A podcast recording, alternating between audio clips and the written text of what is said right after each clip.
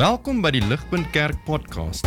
As Ligpunt Gemeente is dit ons begeerte om God te verheerlik deur disippels te wees wat disippels maak en 'n kerk te wees wat kerke plant. Geniet hierdie week se preek. Vriende, ek wil vra dat julle gou saam met my kyk op die skerm. Daar behoort op die skerm 'n uh, 'n kunswerk op te kom. Ek weet nie of julle daar ja, daar sit dit kan sien nie. Dis 'n redelike bekende kunswerk wat uitgekom het hier aan die einde van die Tweede Wêreldoorlog. Dit was in Life Magazine gepubliseer in 1945 en daai kunswerk se naam is The 2000 Yard Stare. En jy kan dit sien nie as jy kyk na daai soldaat se oë soos wat hy hier aan die einde van die oorlog net so ver afkyk in die vlakte. Hy kyk nie regtig na iets nie. Hy's so bietjie in zombie mode soos wat hy kyk. Nou daardie skildery vriende is 'n illustrasie van 'n mediese kondisie wat genoem word battle fatigue. Ek weet nie of jy al gehoor het van battle battle fatigue nie. Dit is 'n baie baie groot ding in was in die Tweede Wêreldoorlog so in alle oorloë is dit so daar's ek dink meer ouens wat deur battle fatigue medies ongeskik verklaar word in oorloë as selfs ouens wat wat vir ander redes medies ongeskik verklaar word.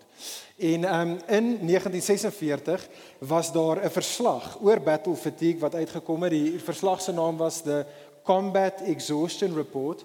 En kyk gou vinnig saam met my op die skerm wat dit sê oor battle fatigue.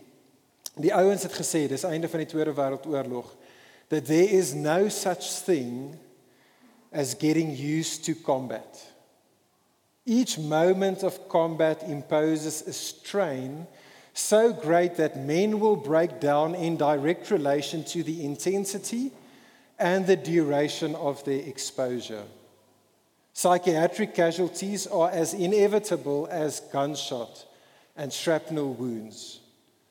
The general consensus was that a man reached his peak of effectiveness in the first 90 days of combat And then after that, his efficiency began to fall off, and that he became steadily less valuable thereafter until he was completely useless. En ek begin nie meer vandag vriende want net soos in fisiese oorlog, so ook in die geestelike stryd waarin ek en jy onsself bevind. Ek weet nie of jy bewus is daarvan nie as jy hier was saam met ons sal jy dit weet, maar dit is waaroor die boek van Openbaring grootendeels gaan. En nie net in die boek van Openbaring nie, reg reg deur die Nuwe Testament sien ons word ons vertel dat as ons volgelinge van Jesus is, as ons gelowiges is, dan bevind ons onsself in die midde van 'n geestelike oorlog. En net soos in fisiese oorlog, het hierdie geestelike stryd waarin alle gelowiges die heeltyd in hulle self bevind, het hierdie geestelike stryd die vermoë om uiteindelik sy tol te eis op jou en op my. Jy sien wat gebeur wanneer jy tot bekering kom, dan is ons vuur en vlam vir Jesus en jy kan amper jouself nie help nie. Jy vertel vir almal, vir jou vriende, jou familie, vir almal vertel jy van Jesus en jy's nogals bold and confident daaroor en jou vel is lekker dik en so as jy so bietjie gekritiseer word en ouens sê jy praat nonsens, is jy okay daarmee. Maar dan oor tyd wat gebeur, al die kritiek en al die verwerping, die kruis wat jy moet dra as 'n volgeling van Jesus is soos winderosie, geestelik gesproke. En wat dit doen is jou vel word eintlik al hoe dunner en dunner en jy raak moer en moer en meer en meer mismoedig. En dit is wat battle fatigue is. Nou is baie van ons vriende wat dalk vandag hierso sit met dit en, en en wat gebeur met geestelik gesproke battle fatigue is net soos in fisiese oorloë dan raak ons maar net daai tipe van Christene wat ons is net so moeg en so moedeloos in die Christelike stryd dat dit net makliker vir ons om in ons spreekwoordelike bankers te gaan wegkruip. Net veilig te wees ver weg van daar waar die ouens die shots gee vir enigiemand wat sy kop uit hierdie banker uit gaan steek. En ons bly weg, ons skryp weg in ons bankers of ten slegste party van ons waai die wit vlag en sê hoorie um, ek kan nie meer nie. Ek kan nie meer die geestelike stryd bly voer nie. En vriend, vriendin, soos jy vandag hierso sit, wonder ek of jy iets ken, persoonlik ken van wat ek nou hier beskryf. Kan ek jou vra, soos jy vandag hierso sit, wat is die shots wat jy of in die verlede of dalk in die hede tans ervaar, juis omdat jy kies om in die regte wêreld en die detail van jou lewe en dit wat jy sê en dit wat jy doen getrou te wees aan Jesus. Omdat jy probeer gehoorsaam aan Jesus wees, ervaar jy shots op hierdie stadium. Dalk is dit by die werk. Juis omdat jy opstaan vir dit wat reg is volgens koning Jesus in 'n wêreld wat 'n heeltemal 'n ander game baie keer by die werk speel, kos dit jou en jy vat shots daarvoor. Dalk is dit in jou huwelik. Dalk is dit jy vat shots by jou man of dalk by jou vrou omdat jy kies om met integriteit te sê ek gaan gehoorsaam aan koning Jesus wees. Dalk is dit jou kinders, jou tieners, jou jou jou ouer kinders by wie jy dit ervaar. Dalk is dit vriende, vorige vriende, die samelewing, vriende ons ervaar hierdie baie kere vind ons hierdie tipe van oppositie selfs binne die kerk en selfs binne in ons plaaslike plaaslike kerk. Nou as jy vandag hierso sit en jy sê ja, ek ken iets van daardie stryd. En ek is moeg. Ek het battle fatigue. Vriend, vriendin, wil ek jou vandag bemoedig. Jesus gee vandag vir ons in hierdie teksgedeelte gee hy vir ons 'n kosbare boodskap om ons te bemoedig ten einde ons wie swak is, ons wie moeg is om ons te kom bekragtig. En dit is waaroor Openbaring 3 vers 7 tot 13 gaan hierdie brief wat Jesus gepen het vir die gemeente in Philadelphia 2000 jaar gelede. So hou asseblief jou blaadjie by die rand. Ons gaan na daai teksgedeelte kyk en ons gaan dit baie nou volg vandag, maar net so klein bietjie konteks. Dit is treffend dat die brief vir die gemeente in Philadelphia is nogals uniek onder die sewe briewe vir die sewe kerke in dat die brief vir Philadelphia is saam met die brief aan die gemeente in Smyrna die enigste twee briewe wat wat geen vermaaning het nie. Daar's geen harde woorde van Jesus in hierdie gedeelte nie. Dit is nogals goed. Daar was 'n paar harde woorde gewees nee, in die laaste paar weke. Hierdie net soos vir die brief in Smyrna is die twee briewe wat net bemoediging is. Maar dis nie die enigste korrelasie tussen hierdie twee briewe nie. In al twee die briewe vir Smyrna en vir die kerk in Philadelphia sien ons dat die oppositie wat beide kerke gehad het, was dieselfde ouens gewees. Dit was ouens wat Jesus in beide briewe na verwys as die sinagoge van Satan. Jesus verwys daarna etniese Jode, letterlike Jode wat gekant was teen die Christene. Hy noem hulle die sinagoge van Satan in beide briewe. In al twee briewe sê Jesus vir die kerke is daar 'n seisoen of 'n periode van toets of beproewing selfe woord in die in die oorspronklike taal wat beide daai kerke gaan ervaar en in beide daardie briewe vir beide vir Smyrna en vir Philadelphia roep Jesus hulle en sê hoorie onthou daar's hierdie kroon of hierdie oorwinningskrans vir die wat getrou bly aan my. Maar wat ek graag wil is net vir oomblik moet raak sien in ons gedeelte is nie die korrelasie met die met die brief in Smyrna nie, maar dit wat anderste is in hierdie brief. En vriende wat in hierdie brief van die gemeente in Philadelphia anders is as dit anderste as in Smyrna, is daar niks hierso dat hulle op dat hulle vervolging uh volskaalse vervolging was soos wat dit vir Smyrna was waar daai ouens in die tronk gegooi was vir hulle geloof en baie van hulle was selfs doodgemaak nie. Ons lees niks van dit in hierdie brief nie. Wat eerder hier blyk aan die gebeur is is wat ons baie kere sal noem um marginalisering om gemarginalize te word. Hoe kom ek vir vertel so klein bietjie want ons weet dit van van van van baie historiese geskrifte af wat gebeur het met die vroeë kerk. Jy sien wat gebeur het is dat aanvanklik toe die Christelike beweging, die weg, die kerk tot stand gekom het, het die Romeinse ryk aanvanklik gedink, hoorie, hierdie is maar bloot net 'n subgedeelte van die Joodse geloof. Ek bedoel, hulle praat ook van die Messias, hulle hou ook vas aan die Ou Testament. En so hierdie is maar net soos 'n tipe van 'n Joodse sekte en so aanvanklik het die Christenkerk dieselfde regte en voorregte geniet wat die Jode geniet het in die eerste eeu onder die Romeinse ryk. Maar toe kom die Jode en die Jode maak dit baie duidelik, maak dit baie duidelik aan die Romeinse ryk. Luister, dit is nie die geval nie. Hierdie Christene het niks met ons uit te waai nie. Hulle hou aan 'n verkeerde, valse Messias vas. Hulle is nie kinders van Abraham nie, hulle is nie kinders van God nie. In feite, hierdie ouens is gevaarlik. Hulle maak moeilikheid. En so die Christene was uitgeskuif, hulle was gemarginaliseer uit die sinagoges uit, baie kere uit hulle familieverhoudings uit, uit hulle werksituasies uit En in Klein-Asië, omdat hulle toe nie meer onder hierdie sambreel van die Jode gestaan het nie, het was hulle as dit ware soos tweede klas burgers gewees. En dit is vir sulke mense, die gemeente in Philadelphia. Kyk met my in die teks wat Jesus hierdie boodskap bring. En hy sê dat hoor hierso, julle is ouens wat in die midde van hierdie oppositie doen julle goed. Well done. Kyk daarso vers 8. Jesus sê in vers 8 vir die Christene in Philadelphia, jy, julle, praat jy as die gemeente as een, jy het vasgehou aan my woord en jy het my nie verloon nie. Well done, gemeente. Kyk sommer vers 10. Jesus sê vir hulle, jy was gehoorsaam aan my opdrag om te volhard. Maar hier is nou, hier is die moontlike gevaar. Hier is waar die spanning in die teksgedeelte kom. Kyk na vers 8, begin van vers 8. Maar hierdie is die ding wat waar is van julle, gemeente in Philadelphia, julle het min krag. Die engel sê dit daar vir ons, you have but little power. Met ander woorde, hier's Christene, hulle doen goed, hulle fight die fight, maar hulle battle fatigue En dit is presies daar waar hulle min krag het, little power het waar die versoeking ook vir hulle inkom en dit is dan vir sulke gelowiges.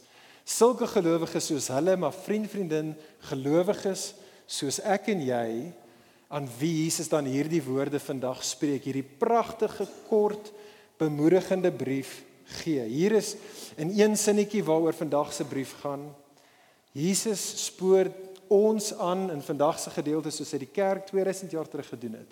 Spoor hy aan en hy sê vir ons bly getrou aan my te midde van die oppositie deur my voor oë te hou en veral deur my beloftes te onthou.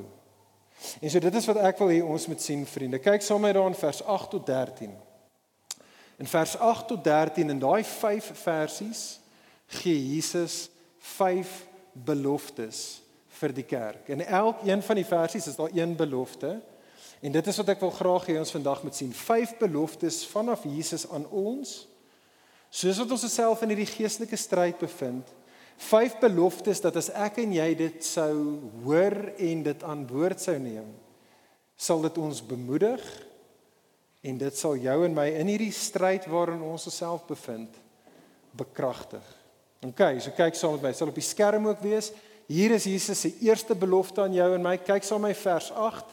Jesus sê vir gelowiges: Ek sal julle verwelkom. Ek sal julle verwelkom. Kyk aan vers 7. Jesus beskryf homself hier aan hierdie kerk soos wat hy soos in al die ander briewe homself bekendstel. Sê Jesus drie dinge oor homself. Hy sê ek is die heilige een, ek is die ware een, die een wat die sleutels van Dawid hou. Nou Al drie daardie stellings van Jesus daar in vers 7 kom uit die boek van Jesaja uit.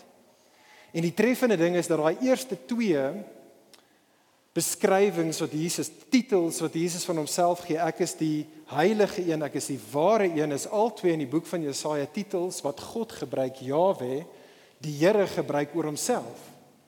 En so wat Jesus hierso sê, hy maak dit duidelik vir die kerk, hy herinner hulle soos in die reg van die res van die boek van Openbaring dat hy self is God. Hy maak sy goddelike identiteit hierso bekend. Maar ek wil graag hê ons moet fokus daarop die derde beskrywing van Jesus ook uit die boek uh Jesaja uit. Dit kom uit Jesaja 22 vers 22. Hy so net 'n klein bietjie konteks. In Jesaja 22 vers 22, wel Jesaja 22 vers 22 verwys God daar die Here By wyse van die profeet Jesaja verwys hy na ehm um, hierdie dienskneg van die koninklike paleis. En hierdie ou se naam is Sebna. En Sebna is op daardie stadium die ou wat as dit ware sit met die sleutels vir die paleis. Hy is die dienskneg wat al seker maak wie kan inkom hier by die paleis en wie kan nie. Maar dan vermaan God by wyse van Jesaja vir Sebna en sê vir hom omdat jy ontrou is, gaan ek hierdie sleutels van jou af wegvat. En ek gaan hierdie sleutels eerder gee vir 'n getroue dienskneg. En sy naam is Gilkia. Jesaja 22 vers 22. Kyk wat sê God oor Gilkia. Dit sal hier op die skerm wees. God sê ek sal die sleutel van die huis van Dawid op sy skouer plaas. Hy, Gilkia, sal oopmaak en niemand sal toesluit nie.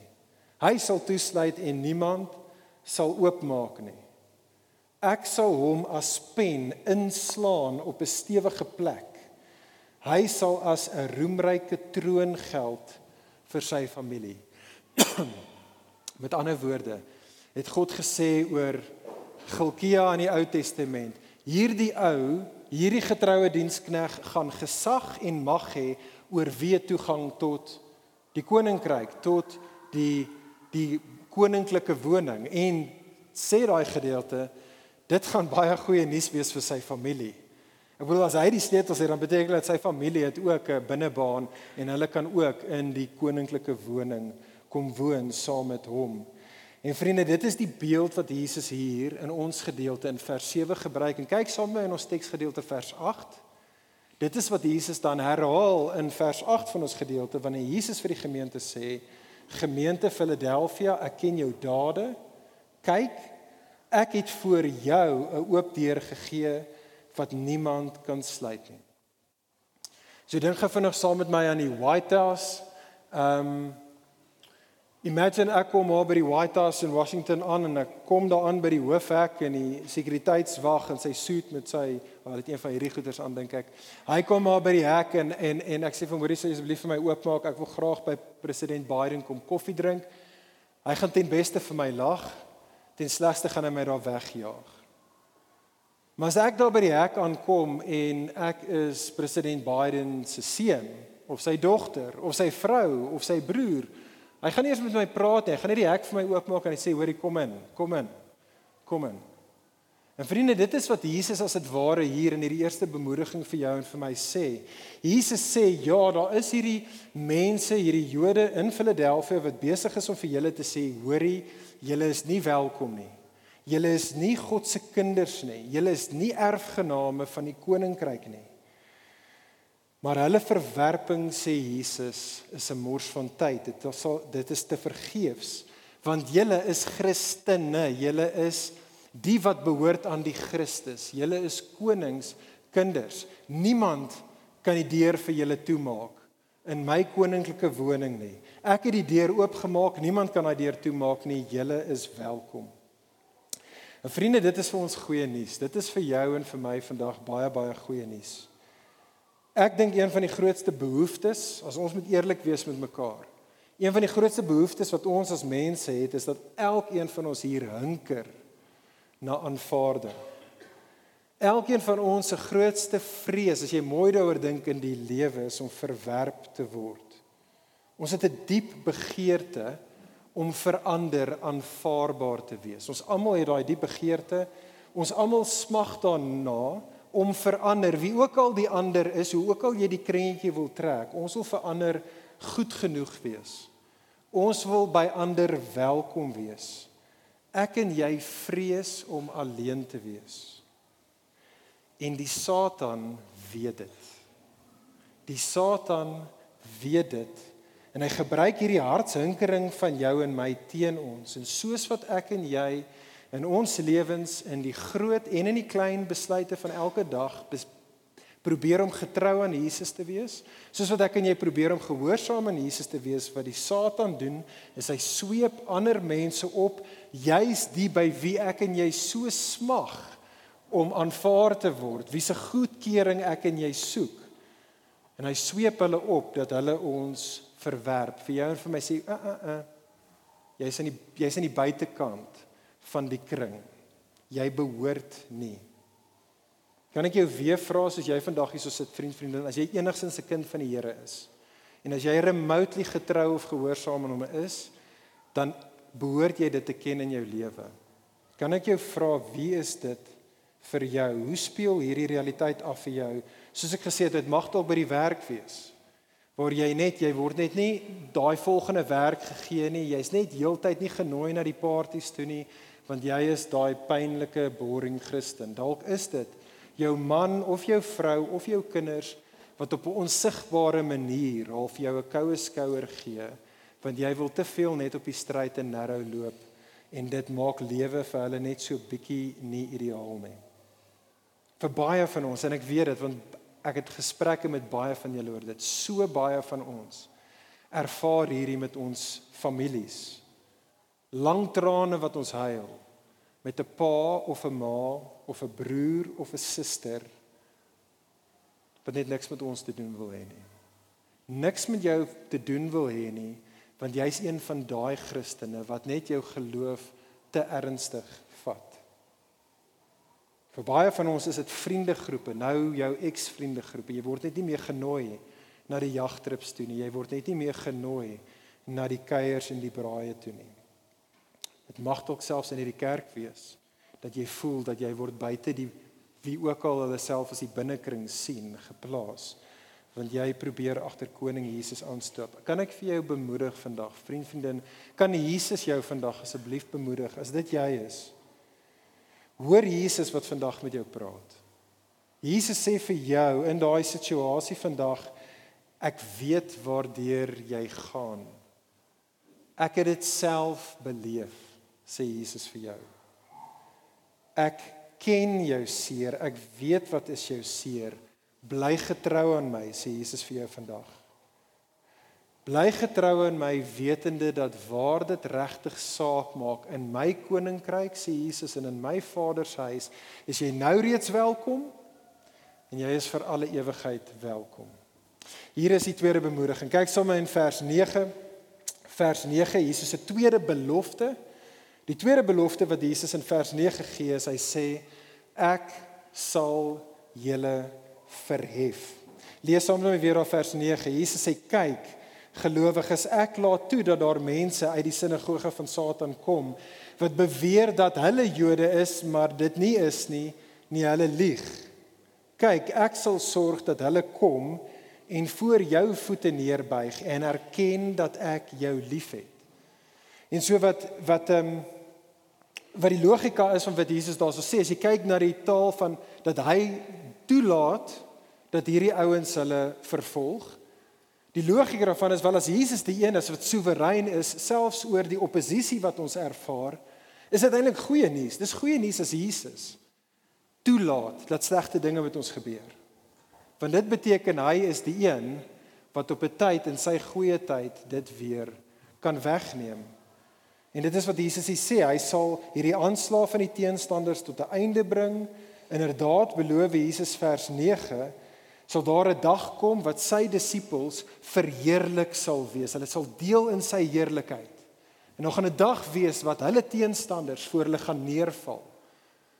Die teenstanders gaan erken hulle was al die tyd eintlik verkeerd geweest, nie net oor God nie, maar ook oor God se mense. En die teenstanders gaan op 'n dag kom waar hulle gaan erken en sê Ja waarlik. Julle is die geliefdes van die ware Messias. En daai taal vriende, die taal van vers 9 is wat ons in Engels praat van vindication.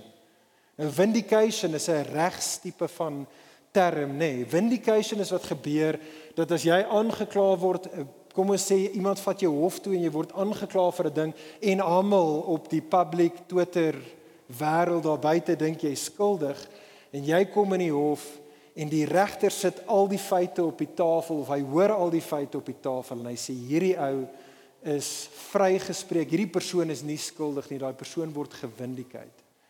En wat Jesus sê, hy sê daar gaan 'n dag kom waar al daardie tipe van dinge wat die die aanvalle is van die vyande van God se mense waar hulle gaan erken hulle was in die verkeerd en waar God se mense gewindikheid kan word. Vriende, dit is goeie nuus. Stop en glo dit net vir 'n oomblik. Elke oomblik. Dis goeie nuus vir elkeen van ons wat heidaglik swaar trek. Juis weens die sonde van ander. Veral ek en jy wat voel dat ons weens die sonde van ander nie in die hier en nou justice kry nie. Hierdie belofte van Jesus is heuningsoet vir mense soos ons dan. As dit jy is, as jy op hierdie oomblik hier so sit en jy is kwaad en jy's hartseer en jy's negatief want jy's seer gemaak en jy het nie justice gekry nie. Hoor Jesus wat vandag vir jou sê hou moed en bly getrou aan my. Ek is die goeie regter. Daar is geen ongeregtigheid wat in my troon hofkamer ooit ontglip sal word nie. Daar sal 'n dag kom, my geliefde, waar ek waar ek alles wat jy op uitgemis het en alles wat jy verloor het en elke liewe manier wat jy benadeel was, waar alles maar alles van dit herstel sal word. Jy sal gewindigheid word. Dit is wat Jesus vir ons die kerk vandag hierso sê. Kyk saam met my in vers 10. Vers 10 is daar twee woorde. Kyk saam in die Engels. In die Engels vers 10 is daar twee woorde wat so kosbaar is. Ons het dit ons het dit ook gesien in Openbaring 1 en ons gaan dit baie kere sien in die boek van Openbaring. Ek sou sê dit lê reg by die hart van die hele boek Openbaring. Dis die woorde patient endurance. Patient endurance. Vriende, hoor asseblief tog mooi, dit is wat God jou en my tot roep in hierdie wêreld. Hy roep vir jou en vir my to patiently endure in 'n wêreld vol van ongeregtigheid, in 'n wêreld vol van onregverdigheid. Roep hy ons om te patiently endure in Jesus se taal en dan Paulus haal vir Jesus aan, Petrus haal vir Jesus aan. Jesus sê vir jou en vir my: Daar waar jy te nagekom word en jy kry nie justice nie. Moenie kwaad met kwaad vergeld nie. Oorkom die kwaad met die goeie. Endure patiently. Ek beloof jou sê Jesus vir jou vandag. Ek beloof jou dat eendag sal alles bloot gelê word. Reg en geregtigheid sal geskied. Bly getrou. Hier is die derde. Hier is die derde belofte van Jesus. Ons is by vers 10. Nog 'n belofte van Jesus in vers 10. Jesus sê vir gelowiges: Ek sal julle veilig hou. Hier wil ek eers met vinnige Engelse vertaling lees want dit kry die woordspeling hier net so klein bietjie dink ek duideliker. Kyk saam met my na vers 10 in die Engels. Jesus sê vir die kerk, "Because you have kept my word about patient endurance, I will keep you from the trial that is coming on the world." to try those who dwell on the earth. Nou baie baie belangrik vir ons om hierdie te hoor, veral as ons by die boek van Openbaring kom. Wanneer Jesus hier verwys na hierdie hierdie hour of trial, hierdie uur van beproewing, verwys Jesus nie hier na een of ander geeskaleerde verskriklike moeilike seisoen eers in die toekoms van wêreldgeskiedenis en sy gelowiges wat geteleport moet word, geweggeraap moet word weg van die moeilike situasie af nie. Dis nie wat hierdie teks oor gaan nie. En ons kan dit weet want as dit was het Jesus gejok want dan het sy belofte nie waar geword vir die kerk in Philadelphia nie. Onthou hierdie is 'n brief in die eerste plek geskryf aan hierdie ouens en hulle was daar, hulle het nie weggekom uit hulle moeilike omstandighede uit nie. Nee, vir ons om te verstaan wat Jesus na verwys, het ons nodig om vinnig saam te kyk na woorde van Jesus in Johannes 17 vers 15. Is treffend. So dit gaan nie op die skerm wees, maar voor jy dit lees op die skerm, hoor my geuit. Ons een ander plek in die hele Nuwe Testament waar ons presies hierdie selfde woorde hoor, die die taal van I will keep you. Wat Jesus dit sê, een ander plek in die Nuwe Testament uit Jesus se mond uit en ook gepen deur dieselfde Johannes wat Openbaring geskryf het. Dis Johannes 17 vers 15. Hoor wat sê Jesus hier. Hy praat hier met sy Vader, hy bid tot sy Vader. Jesus sê I do not ask that you take them out of the world. En dit weer lees. I do not ask that you take them out of the world, but that you keep them from the evil one. Vriende, Jesus beloof nie vir ons as gelowiges dat hy ons uit ons moeilike omstandighede noodwendig uit gaan neem nie, maar wat Jesus aan jou en my beloof is dat hy ons te midde van ons moeilike omstandighede sal hou. Kan ek jou weer vra soos jy vandag hier so sit vriend vriendin ek hoef nie vir jou te sê nie jy weet reeds op hierdie stadium van ons tyd saam vanoggend wat is jou moeilike omstandighede en ek verwys spesifiek hier na die moeilike omstandighede omdat jy die naam van Jesus nie net met jou lippe bely nie, maar met jou lewe kies om gehoorsaam aan hom te wees. Wat hierdie gedeelte vir ons sê is ja, hou vas aan Jesus, vers 10. Ek en jy het nodig om aan Jesus vas te hou. Maar vriende, rus hierin. Jesus hou aan jou vas 10000 keer meer as wat jy met jou min krag probeer om aan hom vas te hou. Jesus se greep vriend vriendin op jou is soveel sterker. Soveel sterker as jou en myne. In jou en my uur van beproewing wanneer die Satan se aanslag sterk is en wanneer ons vlees swak is en wanneer ons geloof min is, sal Jesus se kragtige hand jou hou. Dis 'n belofte. Hoor hoe sê Jesus dit elders in Johannes 10 vers 28 ook vir jou en vir my. Jesus sê my skape sal tot in ewigheid nooit verlore gaan nie. En niemand of niks sal hulle uit my hand uitruk nie. Jesus se hand is kragtig.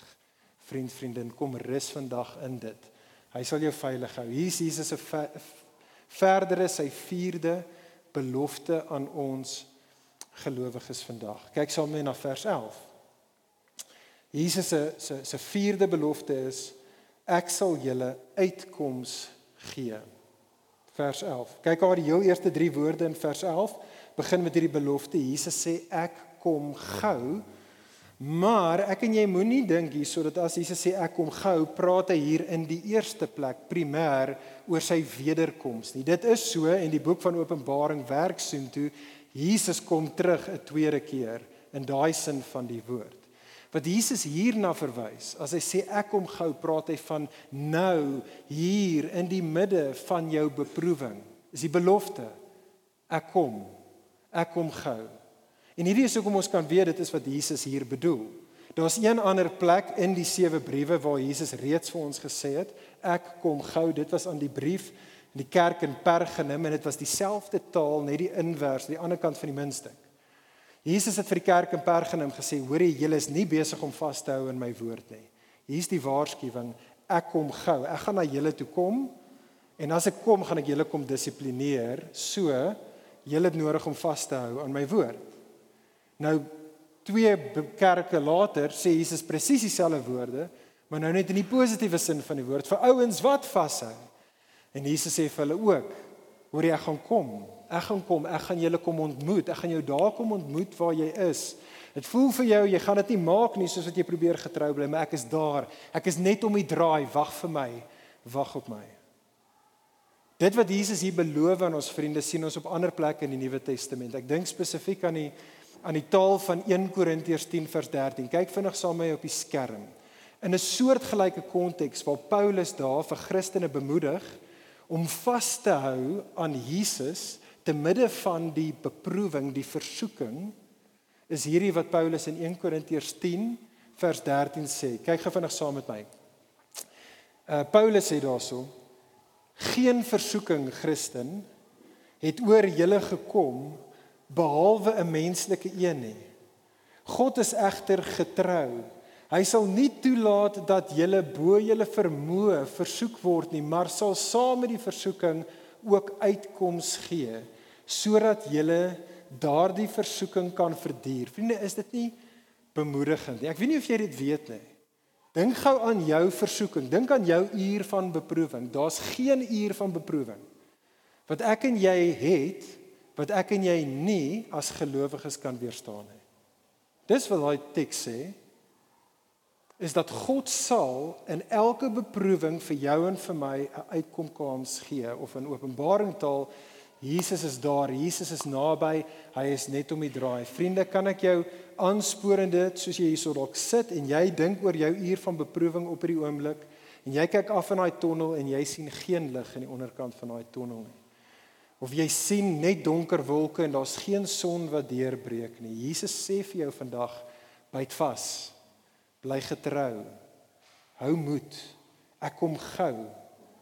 Jesus sê vir jou ek sal nie toelaat dat jy bo jou vermoë versoek word nie. Ek sal vir jou 'n uitkom kans gee.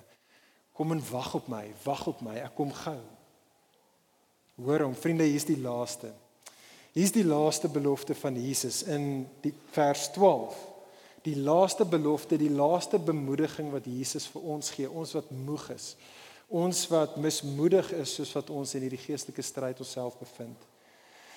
Jesus sê vir ons vers 12 ek sal julle ewige welstand verseker. Gelowiges, ek sal julle ewige welstand verseker. Kyk vinnig saam op die skerm. Uh, een van die dinge op my bucket list. So dit is regtig op my bucket list. Uh, is dat ek wil baie graag nog gaan na klein Asië toe, moderne Turkye vandag. En ek wil jy kan soos 'n Christian tour gaan doen waar jy kan gaan na elkeen van daai sewe kerke of ten minste die areas waar die sewe kerke was wat ons van lees in die boek Openbaring. En daai foto's wat daar op die skerm is, is dit daar? Ja, daar's dit. Daai foto's is letterlik by elkeen van die sites van die sewe kerke van uh wat ons van lees in die boek van Openbaring. Nou dit behoort jou te tref. Daar's nie baie oor van 2000 jaar gelede nie. Dit is net mirasies, maar daar's een ding wat al daai plekke in gemeen het. Wat is dit? Pilare. OK. Al daai plekke het pilare in gemeen en dit maak tog sin as jy mooi net vir 'n oomblik saam dink oor pilare want pilare word juis gebou om stewig en standvastig te wees. Die punt van pilare is om stabiliteit te bring. Die punt van pilare is dat dit is sterk en dit is iets wat versterk is. Nou sit asseblief daar af want almal dink aan hulle vakansie, hulle volgende vakansie. OK, ek dink julle ek dink julle kry die idee. Dis treffend actually. Hierdie is hierdie dink ek. Ek dink dit is wat Jesus eintlik besig is om hier te kommunikeer. Net 'n paar dekades voor die brief aan die gemeente in Philadelphia. Jy kan dit gaan Google. Was daar 'n onsaglike groot aardbewing gewees juis in die area van die stad Philadelphia en die hele stad omtrent was omtrent gedisintegreer na daai na daai aardbewing. En ek dink Jesus is half juis besig om hierdie illustrasie te gebruik vir hierdie ouens wat baie bewus is van dit. Ek kan nie help om te dink dat wat Jesus hierso sê vir hulle, hy sê vir hierdie gelowiges, hy sê vir hulle, hoorie, ek weet dat in julle in in julle vervolging word julle wêreld geskit, gelowiges. En julle is baie bewus van die krake in julle eie geloof. Julle voel swak, julle voel broos, julle voel baie onstabiel. Dit voel vir julle asof hierdie hele house of cards net in mekaar gaan tuimel. Dit is hoe dit vir julle voel. Maar wat Jesus vir die gemeente in Philadelphia sê, is hy sê vir hulle bly gewortel in my, bly gegrond soos 'n pilaar in my. Daar sal 'n dag kom waar ek die aarde gaan skud. En daai dag as ek die aarde skud, gaan daar net een ding oorbly en dit is die tempel van God en julle sal die pilare in daardie tempel wees. Daar's 'n verdere laaste bemoediging wat Jesus dan hierso gee in vers 12. 'n Verdere manier wat Jesus hulle sekuriteit beklemtoon. sien jy dit daar in vers 12? Ek lees vir ons vers 12 verder sê Jesus, sal ek ook die naam van my God op julle op hierdie pilare kom grafeer en die naam van die stad van my God van die nuwe Jerusalem wat uit die hemel uit gaan neerdal en ek sal ook my my nuwe naam op julle op hierdie pilare kom grafeer. Laaste prentjie. Kyk gou vinnig saam my heel laaste prentjie. Ons is amper daar vanoggend. Hierdie is een van daardie pilare. Ek weet nie of dit nou is by daai sewe kerke nie, maar hierdie is 'n pilaar van 'n mirasie van 'n tempel in die eerste eeu, van 'n Griekse tempel. En daar is op dit geskryf. Hierdie was 'n baie algemene ding wat gebeur het met pilare.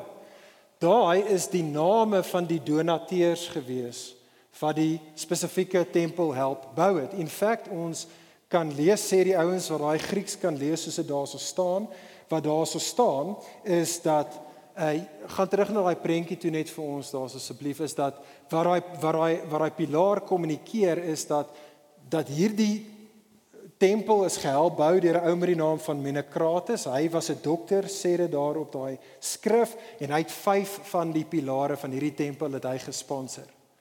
En ons daar verder aan die gedeelte sê dit en ons het ook hierdie ou met die naam van Leo Quintus en Leo Quintus sê dit was 'n magistraat en hy het 7 van hierdie pilare betaal vir hierdie tempel wat jy sien. Dis baie soos wat ons vandag sien, nê, nee, as jy bou 'n fancy gebou, sit jy 'n plakkaat op en hierdie is deur so en so gesponsor gewees. Dit is wat daar was. En vriende, ek dink dit is wat Jesus besig is om hier te kommunikeer. Dit is wat Jesus vir jou en vir my sê. Hoor mooi, Jesus sê vir ons gelowige weet dit, onthou dit. Julle ewige sekuriteit lê in die feit dat my Vader en ek het vir julle betaal. Julle ewige welstand het vir my Vader sy seun gekos. Julle ewige welstand het vir my my lewe gekos, sê Jesus. Hoekom sal ek julle dan ooit los? As ek dan hierdie onsaglike prys ek en my Vader vir julle betaal, die nuwe Jerusalem is julle ewige sekerheid. En so ek sluit af vriende hiermee. Hoor dit vandag, soos wat jy vandag hierso sit. Gelowige jy wat moeg is, jy wat mismoedig is, jy wat battle fatigue het en dit is net makliker vir jou op hierdie stadium om weg te kruip in jou spreekwoordelike banker. En so jy gaan deur hierdie lewe op hierdie stadium baie min mense om jou, nie eers jou man of jou vrou of jou kinders, die skool waar hulle is, jou werk, jou familie regtig besef dat jy 'n volgeling van Jesus nie, want jy het geleer om ver diep in die bankers weg te kruip want daar's net geen skote wat daar klap nie. As dit jy is of as jy dalk iemand is wat baie naby is om al by die leertjie by die banker uit te klim en jou wit vlag te hys en te sê ek kan nie meer nie, ek hou op. Kan ek jou aanspoor vandag? Kan Jesus jou aanspoor? Kan Jesus jou bemoedig vandag en vir jou sê hou aan, bly getrou. Bly getrou sê Jesus deur my voor oë te hou. Bly getrou deur my beloftes te onthou. Onthou sê Jesus vers 8 dat ek sal jou verwelkom. Ek sal jou vers 9 verhef. Ek sal vers 10 jou veilig hou sê Jesus. Ek sal vers 11 jou uitkoms gee. Ek sal vers 12 jou ewige standvastigheid en sekuriteit bied. Vriende, mag ons met al ons swakheid kom rus in so 'n sterke koning en so 'n sterke verlosser. En soos vers 13 sê, laat die wat ore het hoor en luister na dit wat die Gees vir die gemeente sê. Kom ons bid saam.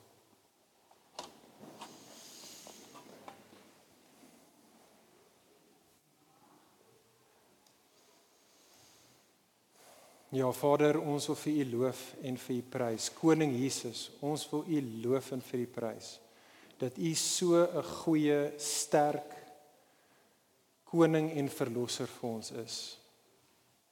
Jesus, ons voel dit nie op die beste van tye nie.